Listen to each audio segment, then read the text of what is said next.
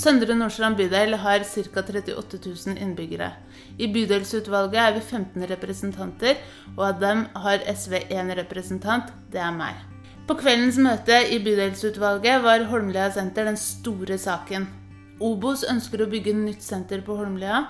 Plan- og bygningsetatene har kommet med sine innsigelser. Og nå er vi høringsinstans. Det har vært beboermøter, vi har hatt komitémøter. Og mange tror nok at eh, i et bydelsutvalg og i politikken så handler det om å være uenige, og så handler det om å slåss og krangle mot hverandre. Men i et bydelsutvalg så handler det faktisk veldig ofte, som i kveld, om å bli enige. Og finne noe som alle kan stille seg bak. Som høringsinstans så er vi ikke alltid eh, den som blir hørt først.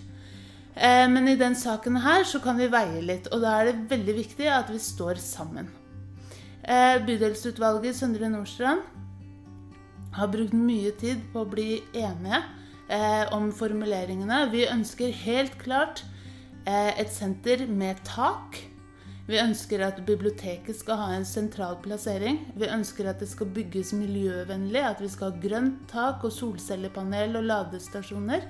Og vi ønsker at det skal bli et møtepunkt i bydelen som alle kan bruke og føle seg hjemme i. Det var et fint møte.